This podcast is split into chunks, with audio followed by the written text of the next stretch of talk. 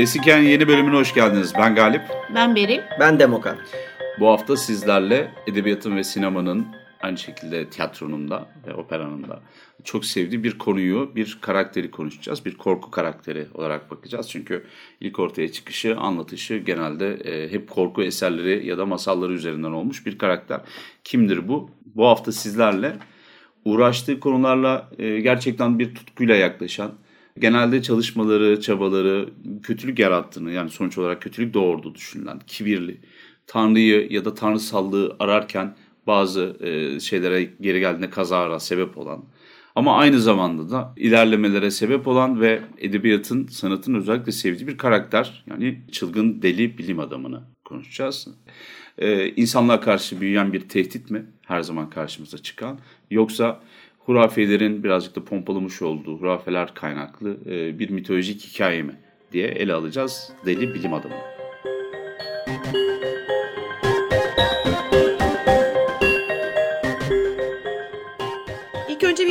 Tanımından başlayalım. Çılgın bilim adamı nedir? Ee, bir ona bakalım.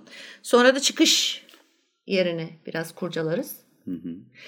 Ee, çılgın bilim adamının tanımı şöyle yapılabilir metodik, kabul edilen ve etiklere bağlı olarak uygulanan bilimsel çalışmalara fazla önem vermeyen, medeni insanın imkansız olarak gördüğü mucizeleri gerçekleştirmenin peşinde koşan, bilim dünyası tarafından kabul edilmeyi mutlaka ve mutlaka hedefleyen ama e, ne yazık ki peşinde koştuğu rüya yüzünden hep hırpalanan veya aşağı görülen genel düşünce çerçevesini yani kabul edilen düşünce çerçevesinin dışında düşündüğünü iddia eden ancak doğanın kurallarını yani işleyişinin tam olarak göz önüne almayan ve pek çok defa hayal kırıklığına uğrayan veya başarısız olan, başarılı olduğunda da e, felakete yol açan bilim adamından bahsediyoruz. Bu bilim adamı zaten bizlerin onu bilmesi sanki biraz şeyi getiriyor. E, aslında başarır başardıktan sonrasını biz görürüz çoğunlukla. Ve o başardığı şey ya kendisine ya çevresine ya insanlığa kısa dönemde özellikle zarar getirir değil mi? Doğru. Doğru. Yani bilim adamlarına baktığımız zaman elbette ki hepsinin bir tutkusu var. Tutku olmadığı sürece zaten bir başarı söz konusu değildir. Ee, uzun araştırmalar gerekir metotları takip etmek gerekir, etikleri takip etmek gerekir, doğa kurallarını takip etmek gerekir veya insan doğasını takip etmek gerekir ve zorlu bir çalışmadır aslında bilim. Evet. Ee, ama çılgın bilim adamına baktığımız zaman bütün hayatını buna adadığı gibi aslında insan olmaktan çıkıp beden, beden, bedenen bir tutku haline geldiğini görüyoruz.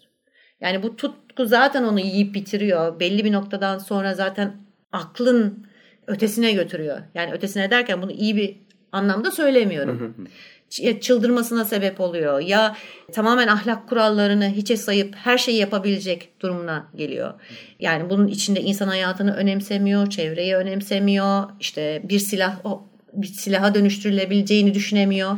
Bir de şey vardır değil mi? Bu yani çoğunlukla her zaman bu demek zor bence ama çoğunlukla şey vardır böyle hani bilim adamı işte deneylere güvenir, kendinden önce gelen bilim adamlarının bilgilerine güvenir, tekrar eden bilgilere güvenir ve o yönde ilerlerken bizim çılgın bilim adamımız genelde o yoldan sapmaya meyillidir. Aslında işte okülte bulaşmaya meyillidir.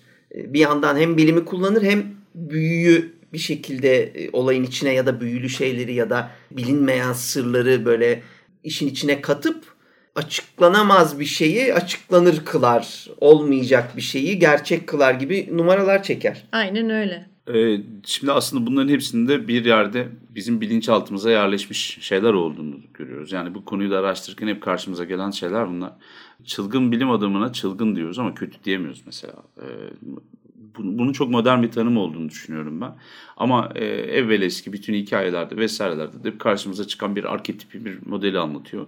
Ama e, mesela antik Yunan mitolojisi üzerinden bir karakterle örneklemem gerekse hemen aklımıza belki de Prometheus gelecekken aslında onun bir bilim adamı olmaması, bir titan olması ve sadece bilimi taşıyan kişi olması sebebiyle ayrıca da pozitif bir karakter olması nedeniyle de bir kahraman olması nedeniyle de deli bilim adamına oturmadığını görüyoruz. Deli bilim adamına oturan kişinin aslında Ikarus'un babası Daedalus olduğunu görüyoruz. Daedalus yani Dadaloğlu Ikar Bey'in başına gelen hadise e, tam olarak bunu anlatıyor. Dadal Bey Atinalı bir mimar ve aynı zamanda mucit.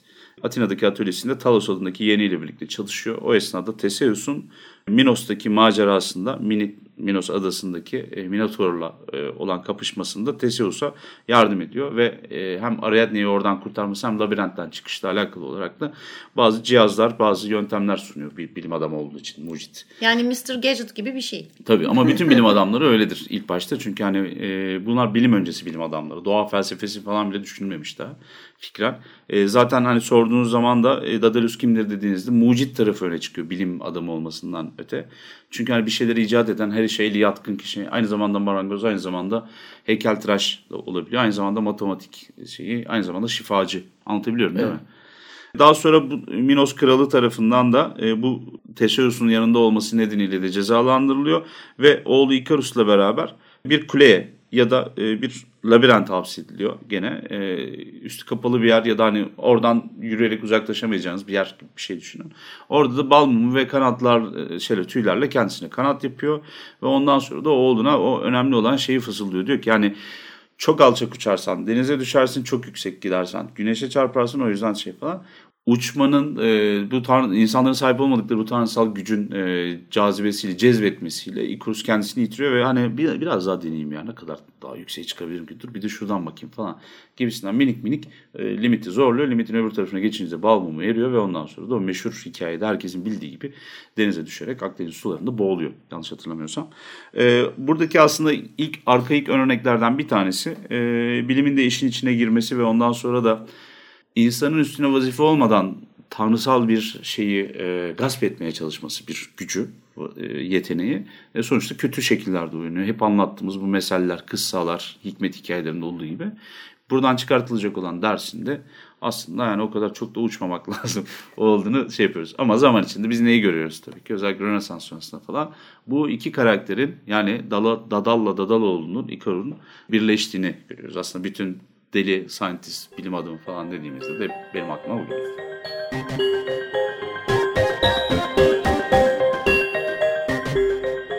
Şimdi senin söylediğin üzere tanrısal gücü elde etmenin sonucunda kendi ölümüne sebep oluyor diye. Aslında Hı. çılgın bilim adamının en büyük zaafı bu. Evet. Yani şöyle bir özelliklerine bakalım. Hı hı. En başta Tanrı'yı oynamak ve tanrısal gücü elde etmek. Tanrısal güçten neyi kastediyoruz? İşte ölümsüzlüğü kastediyoruz. Yaratmak. Yaratmak. Aynen evet. öyle. Yaratmak. Özelliklerine gelince şimdi genel bir şey vardır kafamızda. Ee, çılgın bilim adamı dendiği zaman işte karman çorman e, saçlı, işte genelde yaşlı, koca gözlükleri olan ya da şişe gibi gözlükleri olan, e, kendi kendine sürekli mırıldanan, üstüne giydiği şey lekele, yani insan olarak kendine hiç bakmayan tamamen kendini işine adamış bir tipleme görüyoruz. Bu sanki böyle şey değil mi? İlk başta Metropolis'teki bir bilim adamını alıyoruz bir kenara. Öbür tarafta Doktor Emmett Brown'u birleştiriyoruz Back to the Future'dan. Hmm. İki tanesi, ikisi de yani biri zaten diğerinin sonucu ama aralarında 90 yıl var belki. Hmm. Ee, ama bir şablon oluşturuyor bu. Yani arada hiç değişmeyen bir rota çıkıyor. Bilmiyorum ilk çılgın bilim adamı imajını orada şeyin yarattığını iddia edemem tabii ki ama Metropolis'in e, çok benzer bir imaj. Zaten bu imajı o yaratıyor. Fakat aslında öyle değil. Yani Hı-hı. baktığımız zaman çılgın bilim adamımız e, genç olabilir ve daha çok gençlerle karşılaşıyoruz zaten. Hı-hı e, genç olabilir, orta yaşlı olabilir, yaşlı olabilir ama çocuk olamaz. çocuk olamaz onu bilir, belirtmek çılgın lazım. Çocuk. Zaten çılgın çocuk. akıllı ya da çılgın gibi bir, bir tanımlama olmaz çocuklar. Bu arada şeyi atlamayalım. Bilim adamı oluyor bu genelde. Daha bir de bilim, bilim kadını da Var yani tabii. Var ama çok daha yani karşılaştırırsak nadir doğal olarak hep. Yani özellikle tabii biz biraz da sinemanın da etkisi olmuş olabilir bu benim söylediğimde ama Yok erkek örnekleri var. işler. Örnekleri var yani e, çılgın bilim kadını örnekleri var. Zaten ilk örneklerden bir tanesi e, ya da erken örneklerden bir tanesinde var çılgın bilim kadını. Fakat ben şimdi özellikleri bir saymaya devam edeyim. Ne kadar tanıdık gelecek size bir bakın. Son derece takıntılıdırlar. evet. Geçmişlerinde mutlaka bir travma vardır. Çünkü bu takıntıyı edinebilmeleri için o travmaya ihtiyaç duyarlar. Amaçlarına ulaşmak için etik kuralları ve ahlak kurallarını rahatlıkla çiğnerler. Tanrı'yı oynamayı severler. Yalnızdırlar ve e, bizim secretive dediğimiz e, içe kapanıktırlar. Ser verip sır vermezler. Evet. Çünkü zaten genelde böyle çok gizli bir şey yapmaktadılar değil mi? Hani Aynen dünyayı öyle. değiştirecek Heh. bir adet şeyi bulacağım. O yüzden de bunu kimse öğrenemez. İlk ben yapmalıyım. Kimisi asistanını bile kovar laboratuvardan. Hani sen git ben burada önemli bir şey yapıyorum tarzında. Bilim dünyasında kendini kanıtlama çabası her zaman vardır. Yani sadece bilim dünyasında değil aslında dünyaya kendilerini kanıtlama çabası vardır. İntikamı severler. Gösteriş yapmayı severler ve kesinlikle yüzde yüz kibirlidirler. Limitleri her daim zorlarlar. Ve en büyük özellikleri de bu limitleri zorlarken kendi sonlarını hazırlamalarıdır. Evet. Şimdi çılgın bilim adamımızın tanımı ve özellikleri e, genel olarak bu. Tabii Evet. hepsinin farklı özellikleri de var. Ek olarak e, bu listeye girecek ama biz genel olarak tanımladık. E, Şimdi biz çılgın bilim adamını konuşuyoruz ama bunun içinde kötü bilim adamı da var. Yani çılgın bilim adamıyla kötü bilim adamı yani evil dediğimiz kötücül bilim adamı arasında çok ince bir çizgi var. Yani iyi niyetle başlanıp kötüye dönüşmüş olabilir veya tamamen kötü niyetle başlanıp ki bu dönemde özellikle bizim e, zamanımızda bu daha çok daha sık görülen bir şey. Sonra yani tamamen kötü başlayıp kötü bitmiş de olabilir Evet. sonuç. Şimdi bilim adamından önce ne vardı diye bir soralım kendimize. Sizce ne vardı? Simyacı vardı. Büyücü ya da. Rahip. Şaman. Tamam. Doğru. Şaman, rahip, büyücü, cadı, başka necromancer dedikleri. Onların hepsinin toplamı tam da bilim çağından önce alkemiste, Simyacıya geliyor. simyacıya geliyor. Evet. Şimdi zaten çılgın bilim adamının kökeni de simyacıdan çıkıyor.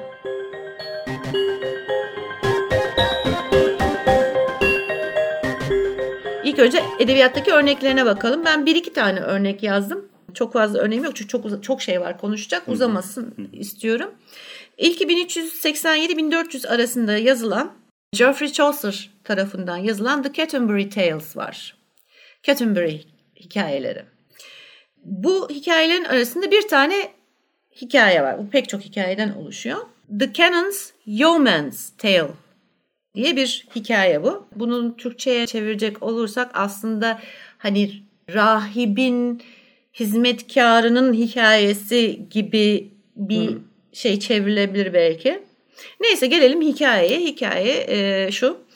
Şimdi bu hikayelerin tamamı hacıları anlatıyor. Şöyle ki e, bunlar belli bir yerden çıkıyorlar.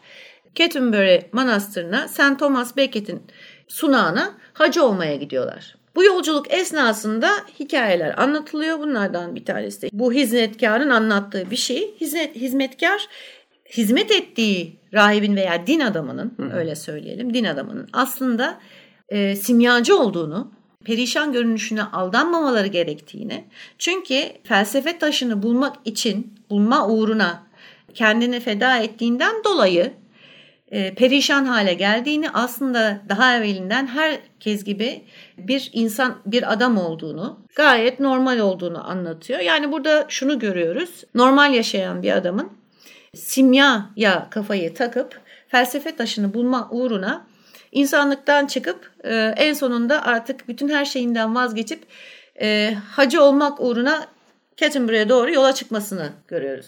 Evet burada şeyi görüyorum ama klasik bu din savaşları tabii ki yeni işte bu şimdi din önce bilimden önce simyayla savaşıyordu. O kendi gücünü kabul ettirmek için ve sen eğer hacı olup din uğruna kendini paralarsan çok kötü durumlara da düşsen e, sen işte ulvi bir kişiye dönüşürsün. Evet. Ama işin arkasındaki amaç Tanrı'ya ulaşmak değil de e, felsefe taşına ulaşmak olunca birden kötü bir adam oluyorsun, suçlu oluyorsun, yanlış yapmış oluyorsun gibi bir yargılama da var burada net bir şekilde. İşte zaten onun dönüşümünü görmek de gayet mümkün buradan. Aynen senin dediğin gibi bir çeşit e, şey bulma, huzur bulma yolculuğu gibi bir şey aslında. Yani yaptıklarından aslında pişman oldu, sersefil oldu. İşte du- durumuna bakın o kadar kötü bir durumda ki işte en sonunda işte hacı olmaya Oysa ki yani hani hacı olmak için bunları yaparken bu hale de düşebilirsin. Zaten örnekler doludur yani. tabii tabii canım. Tabii. Ama onlar önemli değil. Onlar çünkü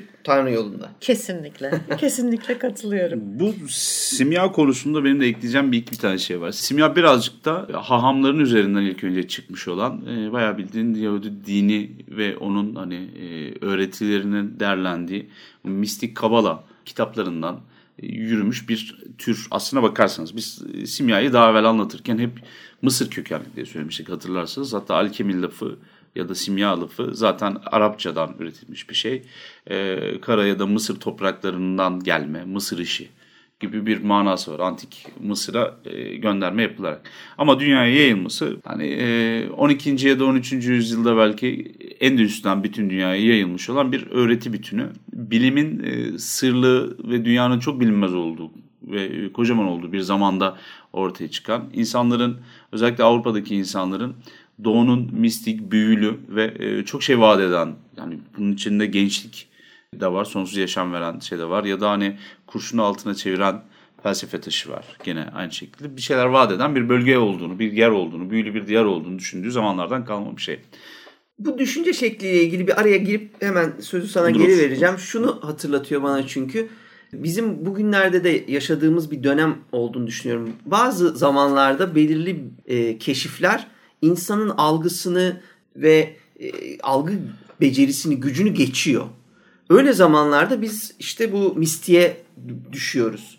Mesela bugün işte teknolojinin hızı mesela bizi o kadar aştı ki o teknolojinin bulduğu şeyler mesela işte şeyin detayları yeterince küçülürsen kuantuma ulaşırsın filan meseleleri o kadar netleşmeye başladı gözümüzün önünde teknoloji sayesinde ama aynı anla, aynı şekilde anlamsız çünkü anlayamıyoruz kuantum fiziğinin neyin neden olduğunu nasıl olduğunu ve bunun üzerine mistikler hemen atlıyorlar. Ha bu da demişti zaten filan gibi bir noktaya getiriyorlar. Gemiciliğin ve e, keşiflerin coğrafyanın hızının insanın algısını geçtiği yani kendi köyü kadar kendi krallığı kadar zannederken dünyayı bir yıl içinde bir anda başka bir kıta olduğunu mesela anladığı bir döneme denk gelmeye başlıyor. Kendinden bambaşka kültürlerin olduğu bir döneme denk gelmeye başlıyor. Bu coğrafi hız, coğrafi keşif hızının insanın algısını geçtiği bir an belki de bu kimya simya kargaşasının e, oluşmasına sebep oluyor olabilir. Net olan bir tane hadise var ki e, haç seferleri nedeniyle aslında dünya ilk küreselleşmesini belki de yaşıyor uzun zamandan beri Roma'dan sonra. Aradan geçen bin senede dünyada değişiyor çünkü öyle bir dünyadan bahsediyoruz. Bunun olduğu yerde de genelde hep baktığınızda Avrupalıların yaklaşımı Araplara Yahudilerden daha şey bakmıyorlar, daha üstün görmüyorlar. Yani ikisinde aynı Sami ırk, e, Aramik bir köken üzerinden atarak, atfederek tanımlıyorlar. Bu nedenle de hani ilk anlatılan simya hikayelerinin, otantik simya hikayelerinin yani bir Avrupalı'nın gidip de simya öğrendiği ya da Kont Saint Germain'in İstanbul'da ya da Bursa'da gelip de hani ölümsüzlük sırlarını arıyorum. Hatta 60 yaşında yola çıkmıştı 30 yaşına indim falan. Giovanni kitaplarında yazar bunlar. Bu hikayelerin evvelinde ortaya atılan bir tane hikaye var. Aslında bakarsan simyanın bugün deli bilim adamı, çılgın bilim adamı, deli simyacı falan hadisesindeki en önemli şey o. Hatta bu bir yerde bize Frankenstein canavarını ve dünyanın literatürde bilinen ilk çılgın bilim adamı tipini de bir yerde gösteriyor, ele veriyor. O da Golem hikayesi. Meşhur ve çok bilgili bir hahamın başlarına gelen bir felaketi, kendi ve cemaatinin başına gelen bir felaketi aşabilmek için çok kabaca anlatıyorum hikayeyi. Çamurdan ama öyle bir çamur ki bu e, bugün e, şey dediğimiz, yıldız tozu dediğimiz, karbon gibi düşünebilirsiniz. Kutsal kitapların çamurdan ya da hani topraktan seni yarattım dediği çamurdan bahsediyoruz.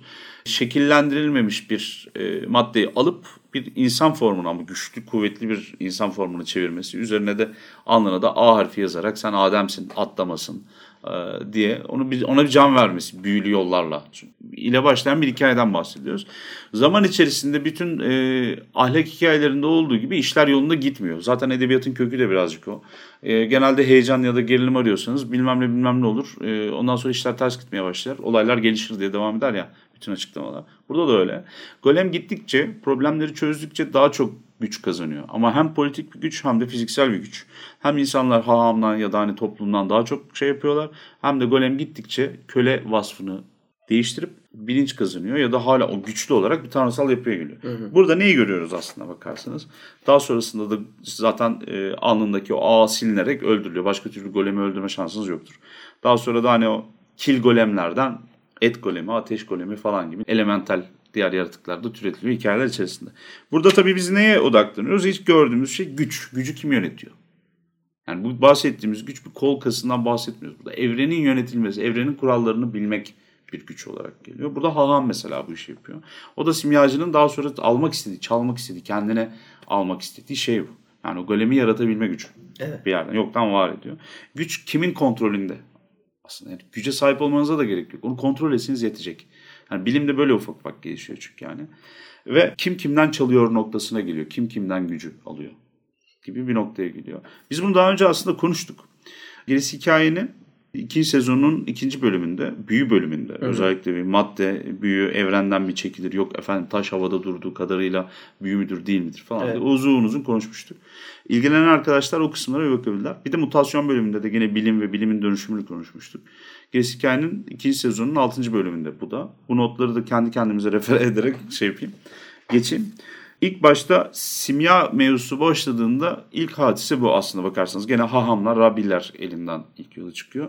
Daha sonra biraz önce Beril'in söylediği gibi Avrupalı, soylu, e, entelektüel kişiler, simyacılar ortaya çıkıyor. Bunun içinde Sir Isaac Newton falan var. Yani saçlarında civa buharı tespit ediliyor. Seneler sonra mezarı bakımına alındığında. Çünkü civa kaynatılması çok ciddi bir simya şeydir, delildir. Hı hı. O hani imbiklerin içerisinden geçen şey orada sıvı halindeki metal. Oradan bir şeyleri dönüştürmeye çalışıyor. Velhasıl kelam e, dönüp baktığınız zaman da direkt olarak şey görüyorsunuz. İnsanı yararına bir bilmem ne ama yapılan işler kötü gitti. Ondan sonra aslında teknoloji kötü. Bir haham ilk başta bir canavar yaratabilecek kadar güce sahip olsun. O zaman deli bilim adamı olmuyor. Ama yani golem kötü oluyor. Ama aynısını tutup bir haham değil de atıyorum Victor Frankenstein yaptığı zaman direkt kötü oluyor. Neden? Çünkü dini kurumlara hiçbir şey sormuyor. Evet.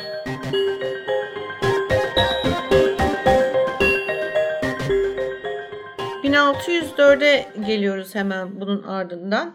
Bir başka örnek. The Tragical History of the Life and Death of Dr. Faust. Christopher Marlowe'un yapıtı. Şimdi burada bir doktor görüyoruz. Bu doktorun kazanmış olduğu bilgiyle yetinmediğini görüyoruz. Yetinmiyor çünkü az geliyor. Her şeyi bildiğini düşünüyor. Yani artık ben her şeyi öğrendim. Yani her şeyi açıklayabilirim. Hı hı. Ve daha fazla ya bilmeye ihtiyacım var diyerek bu sefer biraz şeye doğru kayıyor. Büyüye doğru e, kayıyor. Yani bir anlamda bilimle büyüyü kendince e, birleştirerek e, şeytanı çağırmaya çalışıyor. Evet. Yani nitekim de başarılı oluyor. Ve şeytanla her şeyi yapabilecek güce sahip olması için bir anlaşma yapıyor. Hı hı. Ve Doktor Faustus bu 24 seneyi sadece kendi eğlencesi için saçma sapan şeylere kullanarak bu gücü geçiriyor. En nihayetinde de bakıyor ki o 24 yıl bittiğinde aslında hiç de büyük bir buluş yapmamış, hiç yararlı bir şey yapmamış. Yani hı hı. hiç ele dişe dokunur bir şey e, yapmamış bu güçle. Tamamen kendini eğlendirmiş ve o şekilde de zaten ruhunu kaybediyor. Evet.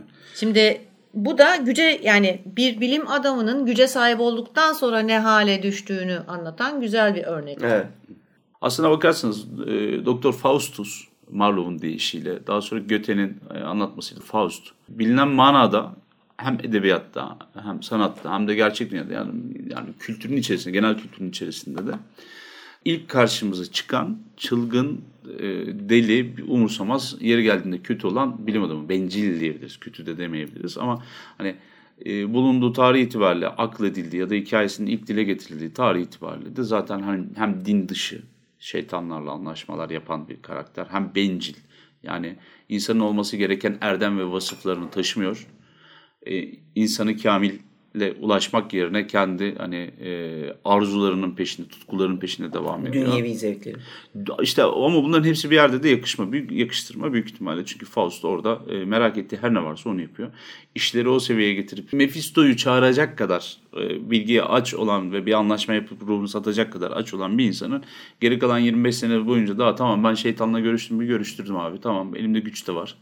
Ben har vurup harvan savurayım, günümü gün edeyim böyle bir fikre kapılacağını, böyle bir hayat yaşayacağını ben zannetmiyorum. Bu gene birazcık ahlakçı yaklaşımın ortaya attığı bir şey. Ama tabii hani bunları kim anlatıyor, bize kim ulaştırıyor ve bu yakıştırmaların aslında kökeni ne diye baktığımızda da bir iki tane şey görüyoruz.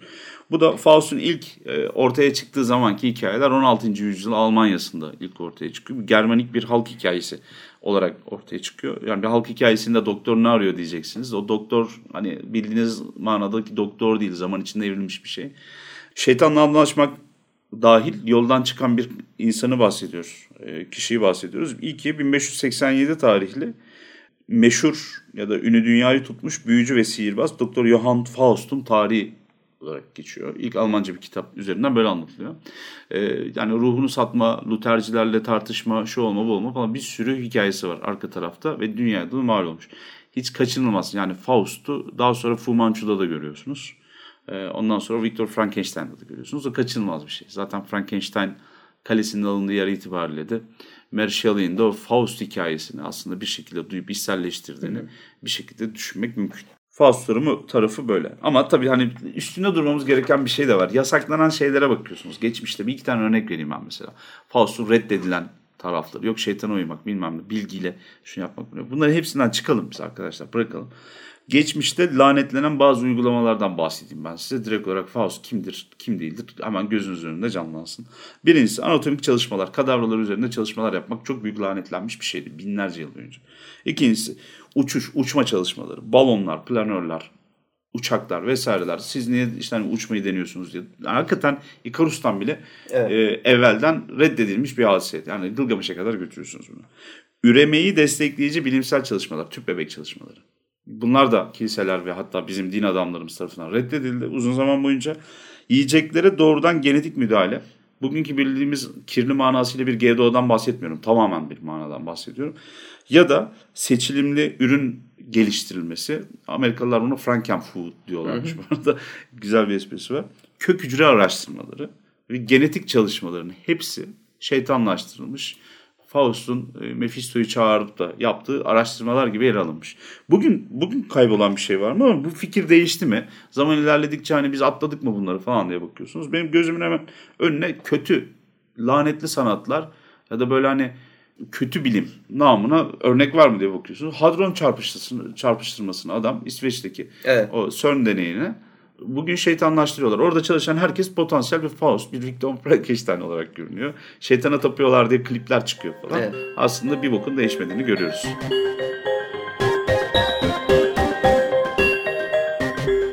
Sohbetimizden gördüğünüz gibi gittiğimiz nokta çok belli. Yine iş aslında din ve bilimin savaşına her koşulda dönüyor. Galib'in biraz önce son söyledikleri de zaten şeyi açıklıyor. Bu biraz da evrim tartışmasının da etkileri bunlar.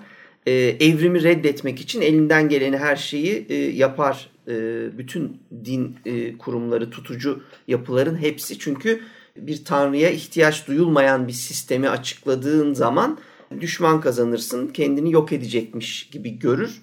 Bunun etkilerini biz bu şeyde görüyoruz. Kötücüle çevirme meselesinde görüyoruz. Yani kötüye dönen hep bilim adamı oluyor. En başta Golem meselesinde anlattığı gibi din adamı yaparsa bunu kötüye dönen o yarattığı yaratık olur. Kendisi olmaz. Biz bu çılgın bilim adamında köken arayışımızda evrim noktasına gelmekte hiç zorlanmıyoruz. Çünkü oluşumu artık kanıtlanmış, besbelli, açıklanmış bir şekilde evrimdir. Bu böyle olduğu zaman bunu reddetmek için can çekişmesi, savaşması bütün dini kurumlarında çok doğaldır ve ilk yaptıkları şey de karşı tarafı kötü göstermektir. Deli göstermektir, çılgın göstermektir. Bunun yolu da nedir? Ürettiği her şeyle insana ya da kendisine kötülük yapan ya yaratıklar yapar ya buluşlar bulur ya da şeyler ortaya çıkar. İşte GDO'lar Şimdi bu işin gerçek payı olabilir. Ama e, demin Galip'in anlattığı gibi biz bugün atıyorum meyvelere bakıyorsun, muza bakıyorsun, karpuza bakıyorsun, aldıkları şekle bakıyorsun. Eğer insanlar seçip bunları üretmeseydi biz bugün o güzelim meyveleri öyle güzelim tatlı tatlı etli etli yiyemeyecektik. Evet. Bir de 1900'lerin başında yani 20. yüzyılın başında muz meyvesinin fotoğrafını Google'dan bir aratıp bakın karpuza benziyor mesela. Tabii canım karpuza bakın o da şey zaten değil. yani cevize benziyor. Saçma sapan yani böyle içinde şeyden çok suyundan çok e, etinden çok çekirdeği, çekirdeği var. var, kabuğu var. Evet evet. Bunlar yani bu, bu seçilimler artık çok iyi bilinen, e, çok iyi kullanılan şeyler. Biz bugün işte kuantumu dediğim gibi demin böyle çılgın bir şeye böyle anlaşılmaz bir şeye çeviriyorlar ama siz plazma televizyonlarınızın olması için kuantum fiziğinin kullanıldığını bilin lütfen. Yani her seferinde arka arkaya tekrarlanabilen ve size her seferinde aynı ürünü veren bilim adamlarının aslında bayağı kolay bir şekilde çözebildiği yanları var bu işlerin. Öyle gizem mizem bu işlerin arkasında yok. Bir de son bir ekleme daha yapayım. Mad Scientist hikayesi gerçekten biraz önce bahsettiğimiz kurumların açıkçası biraz doldurmuş olduğu bir şeyler ve bu çok geleneksel de bir yapı. Yani böyle bir yöntem var arkadaşlar. Metodik, metodik olarak bilim adamını kötüleme şu falan var. İkinci Dünya Savaşı'nda ilk defa kullanılan ama 1800'lerin sonundan itibaren tartışmada olan bir hadise var. Bu atomun parçalara ayrılması ve bunun silah haline getirilmesi. İlk 1941-42 yılında Manhattan projesinin başındaki Doktor Oppenheimer tarafından e, böyle bir araştırmalar başlıyor. Şimdi Oppenheimer'in daha sonra reddettiği üzere biz böyle bir çalışma yapıyoruz ama kendisi iyi bir bilim adamı. Herkes onu şeytanlaştırmaya ya da yeri geldiğinde kötülemeye çalışıyor. Kimse Franklin Delano Roosevelt'in o çok sevilen dört defa Amerikan başkanı seçilen, İkinci Dünya Savaşı sonrası dünyaya barış getirdiğine inanılan, 1945'te de adeta bir şehit gibi hemen savaşın ardından ölen e, Roosevelt'in buna emir verdi, yani bu emir verdiği bombanın oluşturulması, bombanın üzerine 200 bin kişinin iş gücü olarak çalışması hı hı. bomba projesinde ve daha sonra da Nagasaki ile Hiroşima'ya atılmasının emirlerini verdiğini konuşmuyor mesela. Anlatabiliyor muyum? Hala bilim adamı kötü bilim adamı. Ben anlamadım. Yani bilimin ve bilim adamının sahipsiz olmasından birazcık şey oluyor. O yüzden vurun abalıya gibi bir hadise var. Ama tabii... Onun da şeyi var ama mazereti var. Yani işte saçma ama e, mazereti var. Yani hemen çıkıyor söylüyor tamam efendim işte başkan belki emir vermiş olabilir ama bir bilim adamı olarak etik dışına çıkmamalıydı gibi hemen direkt şeyini koyu veriyor. O da, biri, biri bilim adamı. Onun bir takım şeyleri düşünmesi lazım. Kurumlar birazcık teflon. E, yapışmıyor hiçbir şey üstlerine evet, diye söyleyelim. Yani biz konumuzda hikaye olduğuna göre gerisi politika olmadığına göre aslında birazcık da edebiyata hani çok sevdiğim çok güzel karakterler var. Çünkü evet.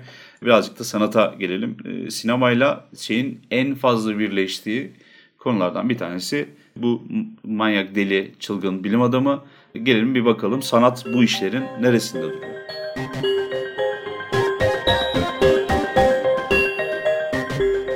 ...1726'ya geliyoruz. Gulliver'in seyahatlerinde Jonathan Swift'in e, Lüpitanları görüyoruz. Bunlar birazcık daha böyle sevimli de denilemez aslında. Yaptıkları bazı iğrenç şeyler de vardı. Ama e, bunlar da bilim adamı mucit tadında bir şey sergiliyor davranış sergiliyor. Kültürleri böyle yani. Kültürleri böyle. Ee, böyle belki de hani çok mantığa uymayan icatlarda bulunmaya çalışıyor olmaları onları hani tamamen bilim adamı dışına çıkarmıyor. Hani çılgın bilim adamı dışına çıkarmıyor. Buradan ufak bir örnek görebiliriz. 1745'te e, Christopher Smart'ın bir şiirine geliyoruz. E, adı da The Temple of Dullness. Şimdi bu şiirde e, aslında birazcık da herhalde bilime e, ve bilimin e, dine karşı oluşturduğu tehditle alakalı bir e, şiir olduğunu söylemek mümkün. Çünkü hı hı. E, bir tanrıça var adı Dalnas. Yani baya böyle bir şey sıkkınlık bıkkınlık, ha, sıkkınlık anlamındaki bıkkınlık dal. anlamında ha. evet Dalnas. Kendine dört tane esir alıyor. Hı hı. Şöyle ki sophistry ben bunu şey olarak değiştirdim. Hani olgunluk değil de daha çok hani gelişim tadında. Mikrofili yani mercek altına almaya e, pek çok şeye düşkün olanlar anlamında. Ateizm artık bunu açıklamayayım bu çok bariz zaten. Bir de matesis var. Şimdi matesis'e baktığımız zaman ki bu da matematikten aslında e, benim tahminim o şekilde. Yani ben öyle algıladım. Hı hı. Burada bir çılgın bilim kadını görüyoruz. tamamen e, bizim aslında ilk tarif ettiğimiz gibi böyle hani saçı başı dağılmış, biraz çılgın, e, ne yaptığının da çok farkında olmayan ama sürekli bir şeyler icat etmeye başlayan. E, fakat ne yazık ki bu şiirde işte onu anlatıyor zaten. E, esir olduğu için potansiyelini yaşayamıyor ve saçma sapan şeyler icat etmekle meşgul oluyor sürekli. Şimdi esas hani bu çılgın saçı başı dağılmış işte tamamen kendine tutkusuna vermiş hiçbir şeyi gözü görmeyen çılgın bilim adamının e, en bariz izlerinden bir tanesi bu şiirde görülebilir. Ardından e, artık neye geliyoruz? Esas e, bu işi bir profil olarak oluşturan Mary Shelley'nin Frankenstein'ına evet. geliyoruz. 1818. Evet. Bir dakika yalnız bir tek şey e, düşündüm şunu söyleyeyim. Bu Lilliput'ta olduğunu çok net biliyorum Gülliver'in e, maceralarında. Ama bu anlattığın şiirde de aynı şeyi hissediyorum. Bunlar yazıldığı dönemde yine sadece din değil, devletin de çok büyük baskıları olduğu, bu monarşinin e, çok büyük baskılarının olduğu dönemler olduğu için edebiyatın üzerinde de çok büyük baskı vardı ve bu yazılanlar aslında genelde ısmarlama e, yazı gibi mi duruyor? Ismarlamadan öte e, politik bir şeye saldırı yani hikayeyi anlatıyor, derdini anlatıyor ama işte biz de bu konuyu çok basit alanların hep işte fantastik edebiyat, kaçış edebiyatı, ıvır kıvır dedikleri gibi e, anlatmak istediğini metaforla anlatıyor. Hı. Yani aslında onları e, Gülü, karakterize ederek. Evet, Gülüver'in macerasında bu çok net bir şekilde vardır. Dönemin devlet yapısını eleştirmek için yazılmış bir eserdir. Belki bu şiirde de bu tarz bir şey bulabiliriz. O dönemin özelliklerinden biri bu. Yani sanatçılar e, özgürce anlatamıyorlar. O tabu olan konulara fantaziyi kullanarak benzetmeleri, yani. benzetmeleri kullanarak giriyorlar anlatıyorlar. Birazcık satirik metinlere dönüşüyor bunlar. Kesin satirik. Zaten. Yani İngiliz ve kıta Avrupa'sının Almanlar o kadar, Almanlar o kadar değil. Almanlar birazcık da bizim gibi edebiyat takılıyorlar. Onlar fantastiği ya da hicivi ya da bilim kurgunun ilk örneklerini sanat olsun diye çoğunlukla yaparlar. Ama şey İngilizler, Fransızlar çok ciddi bir eleştiri kültürü geliştirmişler. Evet. Onun içerisinde özellikle İngilizler. Ee, onun içerisinde hicivin e, çok ciddi yeri var. Bunlar satirik metin olarak tekrar tekrar da ortalığa atılıyor. Özellikle e, 18. yüzyılın son çeyreğinde çok aktif olan ve bayağı da sevilen, saygı duyulan bir başka sanatçı. Yani Goethe'nin Faust üzerine biraz önce uzun uzun anlattığımız Doktor Faust e, üzerine yazmış olduğu ve bütün dünyada Marlowe'dan daha çok bilinen bir şey daha var. Bir kitap daha var. Aslında ilk e, deli ya da hani çılgın bilim adamı örneğini de birazcık simyaya bulaşsa da e, gene Doktor Faust'ta görüyorsunuz Goethe'nin Faust'unda. O da 1812 galiba ya da e, birazcık daha erken ama Victor Frankenstein'den hemen evvel. Evet. Frankenstein'da çılgın bilim adamını görüyoruz. Neden görüyoruz? Yani şeylere tiplemeye gayet güzel uyuyor Doktor Frankenstein ya da Victor Frankenstein. Neden? Ee, büyük bir tutkuyla bağlı yaptığı şeye. Ölümü yenmek istiyor. Yani tanrı kompleksi var. Hı hı. Tam olarak ne yaptığının farkında değil bana göre. Yani yapana kadar ne yaptığının farkında değil. Hı hı. Yaptıktan sonra da büyük bir pişmanlık yaşıyor. Evet. Şimdi burada aslında Viktor Frankenstein'ın kötü olmadığını ama bencil olduğunu rahatlıkla söyleyebiliriz bence. Ben geçen sefer söylemiştim hatırlarsan. Evet, evet. Çok bencil ve şey olduğunu yani Frankenstein hikayesinde ben Frankenstein'ın canavarını asla kötü bulmam. Yani o durumun getirdiği veya durumun eğittiği bir yaratıktır aslında. Kader mahkumu. Kader mahkumudur aslında. Evet doğru.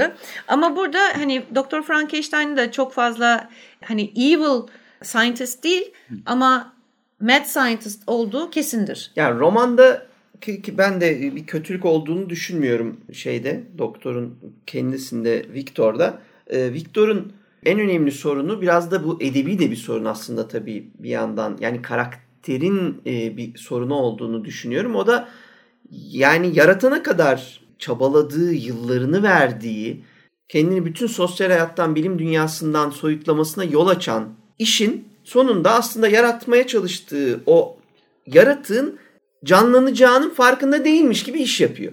Canlandığında da şaşırıp kaçıyor. Yani saçma sapan bir tepki veriyor. Yani bu karakterin öyle bir garip bir durumu vardır Viktor Frankenstein'ın. O durum onu kötü de yapmaz, iyi de yapmaz. Onu sadece bir aptal yapar.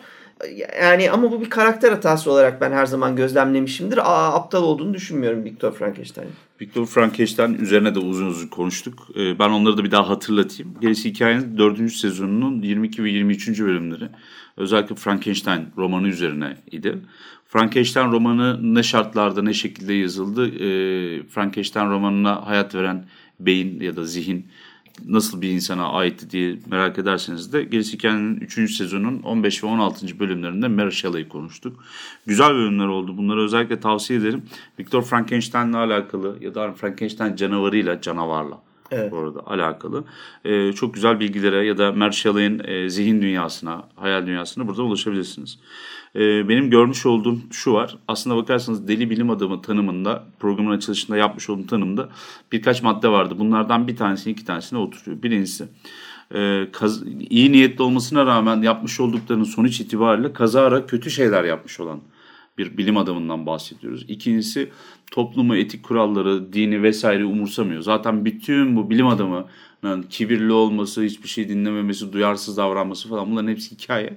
Aslında e, dini kurumları ya da hani devletin ona dayatmış olduğu şeyleri pek sallamamasından ve kendi yoluna, kendi deneylerine kitlenmesinden, odaklanmasından evet. bahsediyoruz. Victor bunun iyi bir örneği. Yani Goethe'nin Faust'u verememişti bu etkiyi. Çünkü hani çağ değişiyor ama sen hala Faust anlatıyorsun. Victor Frankenstein içinde yani Frankenstein canavarı romanının içerisinde ya da Modern Prometheus alt başlığıyla içerisinde elektrik deneylerini görüyorsunuz mesela. Galvanizm görüyorsunuz. Mesmerizeyi görüyorsunuz. İnsanları düşünce yoluyla ya da hani hipnotize etmek görüyorsunuz. Onun yanı sıra meteoroloji bilim olmamış henüz. Hava olaylarını anlamlandırıp oradan elektrik kurması falan gibi bir sürü aslında bakarsanız bilim senaryosunu görüyorsunuz bilimsel manada. Evet ama aynı zamanda da işte yine harika bir örneğidir ki simyayı da görüyorsunuz. Yani hani herkesin o sırada hiç kimsenin bir insanı canlandıramayacağının herkes bilincinde böyle bir bilgi yok bilimsel anlamda. Eski kabul edilmeyen hocalarının güldüğü kitaplardan öğrendiklerini kullanarak Frankenstein kendi yaratığını yaratıyor. Evet yani o da daha sonra pek fazla denenmeyen e, bir yöntem. Çünkü hani simyada bahsedilen yöntemleri modern bilimle tekrar anlamaya çalışmak. Hani bu kuantum boyutu vardır yani böyle. Kuantumcular var ya kuantum düşünce dernekleri falan böyle evrene enerji gönderenler. Evet, evet. Aynı o bocalama gibi bir şey olarak görüyorum. Orada bir karmaşa var. Ee, bunu da hikayeleştirmiş Mary Shelley. Güzel de bir yapı ortaya koymuş ama tabii daha sonra da ilk örnek bu olunca ileride birazcık daha çarşı karışıyor ilk doğru çılgın bilim adamı örneğini gerçekten baktığımız arketip bütün dünyanın bugün bir roman yazmaya kalksanız ilk aklınıza gelecek deli bilim adamı gerçekten de Doktor Victor Frankenstein evet. 1930'lardaki filmler oluyor. Yani ne, ne giyer dedim mi yani boğaza kadar o berberlerin girmiş olduğu o şeyi giyecek. E, önlüğü giyecek falan diye bakıyorsun. O önlük buraya gelecek O önlük giyilecek evet. evet tabii o e, sinemaya geldiğimizde çok değişiyor şey romanda e, demin o belirttiğin önemliydi. Yani romandaki Victor Frankenstein'la e, filmlere geldiğimizde iş çok değişmiş oluyor. Bayağı neredeyse net bir şekilde kötü bilim adamına dönüşür. Ee, özellikle Hammer'ın filmlerinde Victor Frankenstein yani e, 1920'lerde falan yine hala o şaşkın e, adamcık olabilir. Yani o hikayeyi anlatmazlar zaten bir aşk hikayesi anlatırlar hep ama sonra o kötücül bilim adamına dönüşür. Bilerek sorunun çıktığını bilerek yeniden yaratır. Yeniden yaratır. Tabii o Hammer'ın devam filmleri dolayısıyla oluyor. Onun beynini ona aktaralım şimdi bunu da buna koyalım filan derken e, o Almanlık daha çok bir ahçı tam şeyi var yani. yani. Bir parça şu tuz atalım, bir parça biber. Ya bu tamamen Almanlıktan kaynaklanıyor bana sorarsanız. Ben patlatayım gene espriyi. Madem Almansın birleştir canlansın diye bir hadiseleri var dünya savaşlarında. Tabii bu arada Hammer'ın da İngilizlerin yaptığını da düşünelim iyice karışıyor ortalık bu Avrupalılarla. Tabii tabii.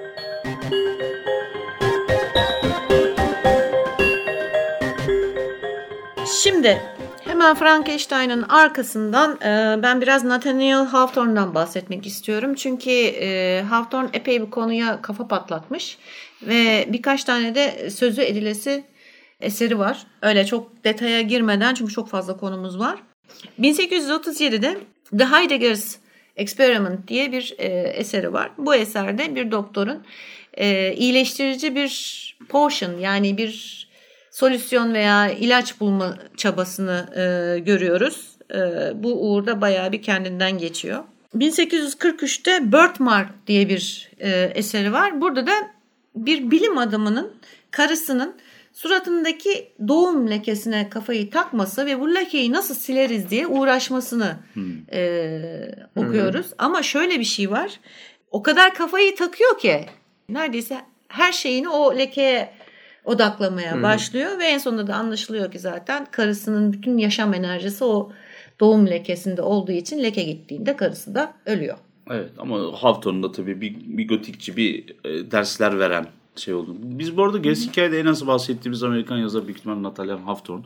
Hı. Underrated tabir edilen çok üstüne durmadık ama belki evet, ilerleyen dönemde güzel şeyleri evet, var. Çok güzel şeyleri e, var. Derya Aslında Deniz. bir bölümde de tamamen ona ayırabiliriz yani. Çünkü bayağı eseri var. Amerikan Gotik'te ya da hani bu Amerikan aşkıncıları vardır. Bu transcendentalistler, Hı. porno falan da Hı. belki birazcık başlattığı şey. Ee, orada belki bir tekrar ele alıp bahsedebiliriz. Ee, ama Türkçe'de çok fazla Nathaniel Hawthorne şey yoktu, eseri evet. yoktu. Birkaç tane seçkide görürsünüz. Belki bizim gene Yankı'nın işleri bir şeyler çevirmiştir. Yankı sever çünkü o gotiyi. Şimdi bende bir tane var. Ee, hemen bir sonra bahsedeceğim şey bu. 1845'te e, yayınlanan Rappaccini's Daughter yani Rappaccini'nin kızı hmm. adlı eseri. Bunda da e, gene bir e, botanikle kafayı kırmış bir doktorun kızının üzerinde deneyler yapmasını anlatan bir hikaye bu. Rapaci'nin kızı K kitaplığı küçük kitaplardan çıkmış. Zeynep Avcı tarafından e, çevrilmiş. E, bir neredeyse cep kitabı. Evet. E, ama gayet güzel. 2003 senesinde e, yayınlanmış. E, okumanızı tavsiye ederim. Bu cep kitaplarını ben çok seviyorum. Böyle oraya buraya giderken fırt fırt okuyabiliyorsunuz. Evet. Bu şeyler özellikle yine bu 19. yüzyılda yazılanlar hala şeyi sürdürüyor ders vermeyi çok net bir şekilde sürdürüyor ve yaratmaya, işte değiştirmeye, insanın doğasını, şeklini, şemalini bozmaya karar verdin mi her seferinde cezanı görüyorsun. Bunu görme sebebin de senin yine dine karşı çıkıyor olman aslında. Yani iş dönüyor, dolaşıyor, aynı yere geliyor. Bunun Sözde değişeceği... kuralları göz ardı ediyorsun. Evet. Evet bunun değişeceği dönemlerinde göreceğiz mi bakalım. E zaten bir yani her dönemde dayatılan bir çerçeve var. Yani bu bilim için de geçerli. Yani bilimi de o çerçeve içinde dayatıyorlar. Hı hı. Ve e, bunun dışına çıkan olursa da zaten tükaka oluyor yani. Bunun İşin dışına çıkarsa da satmıyor zaten. Ha, onu da söyleyeyim. Yani ne yazık ki hem toplumda hem edebiyatta yaşadığınız dünyada çok insana ulaşmak istiyorsanız çok satmak falan. Yani bu kötü bir şey değil bu arada kitap satmak onu da söyleyeyim yani. Çok satan insanlar kötü insanlar değil bazı şeyleri oynamanız gerekiyor. Yani bazı şeylerin farkında olarak yazmanız gerekiyor. Anlatabiliyor muyum? Yani hikayenizin içine bir yere gerekmediği halde ya da anlatmak istediğiniz o olmadığı halde bir şey koyuyorsunuz. Koymak, bunu eklediğiniz zaman böyle şeyleri, bileşenleri eklediğiniz zaman işte hamasi milliyetçiliği eklediğinizde, dini kuralları, ahlakı eklediğinizde yani ahlak dediğim ahlak bir de değişen bir şey. Ben evet. zaten eklenmesi en son eklenmesi gereken şey bu. Öyle ki 15 sene içerisinde toplumsal yargılar falan inanılmaz değişiyor. Zaten internet çağındayız. Yani bilgi çağını düşünemiyorum. Bilgi 3-4-0'da e, hızlar bir haftada falan değişecek her şey. Buna rağmen hala millet yaşamadığı ahlakı alıp sattığı için birbirine ahlak da eklemeniz lazım. İşte tarihsel gerçekler, jeopolitik bilmem neydi falan tarihsel kurgu o bu. E yani anlatmak istediğiniz dışında her şeyi eklerseniz kitabını satıyor arkadaşlar. Şeyde... Ama bir de şöyle bir şey var Beril. E, siz kendi hikayenizi anlatırsanız yazar dostlarım sonsuza kadar kalacaksınız. Onu da emin olun. Çünkü sizin öykünüz dışındakiler çok birbirinin aynısı paralel şeyler. İşte bugün hala Nathaniel Hawthorne'u paylaşıyoruz. 1845'te yazdığı kitabından bahsediyoruz. Poe öldükten bir sene sonra. Hala kıymetli diyoruz. Keşke üzerine konuşsak diyoruz. Ama aynı sene Amerikan milliyetçiliğinden bilmem nelerden sömürgeliğini nasıl aldık ellerinden İngilizlerin diye kitaplar vesaire bunların hiçbirisi bizim gündemimize girmiyor. Ama ne yazık ki bir küçük prens değil yani. O yüzden çevirip satılmıyor hala. Yani dönem değişiyor ama dikkat edersen ne kadar teknoloji ve bilim e, hızlanırsa aslında gericilik de bir o kadar artıyor. E, yani hala bir şeye sığınma çabası var. Yani bilimden korkup bilimin kötü şeyler getireceğinden korkup ki doğrudur her zaman iyi şeyler getirdiğini yüzde yüz söyleyemeyiz. Hani gerçekten bunun dejenere edildiği veya kötü amaçla kullanıldığı yani iyi amaçla yapılıp kötü amaçla kullanıldığı yerler de var. Yani bu inkar edilecek bir şey değil. Ama bu bilimin kötü olduğunu göstermez. Zaten yani bu tartışmayı biliyorsunuz e, hemen e, o çok sevilen ahlaka da dine de uygulayabilirsiniz. Kötülerin Aynen. elinde e, kötülük filan fişman. Yani iyilik kötülük bunlar tabii çok jenerik işler. Siyah beyaz bir dünyada Aynen yaşamıyoruz. Evet. E, kimsenin böyle amaçları vardı da onun için yaşadığı bu adam kötülük için doğdu kötülük için yaşadı filan saçmalıklarının aşılması gereken dönemlerdeyiz yani artık. Evet. E, bu iş insan ne yaparsa o oluyor. Bilim Aynen. yaparken iyi bilim e, yapıp insanların iyiliği için bir şey yapmaya çalışıyorsa bunu yargılamanın bir anlamı yok. Eğer siz iyilik derken burada benim kastım insanların refahı aslında. Ama refahı şey bulmak gibi, işte aşı ama, bulmak. Ha, bunu, ama bunu yapmaya çalışırken eğer korkunç bir mikrop bulup kontrolünden çıkıp dünyayı yok ederse bu sefer o onu kötü bir bilim adamına çevirmiyor. Yani böyle iyi kötü tanımaz. Ne mikrop iyi kötü tanır ne makineler iyi kötü tanır. E, bunlar çok subjektif hikayeler. Bu hafta çılgın bilim adamına bir giriş yapabildik. Ancak önümüzdeki hafta örneklerle çeşitleyerek edebiyatta, sinemada nereden nereye gittiğini, geldiğini beraberce tartışmaya devam edeceğiz. Görüşmek üzere.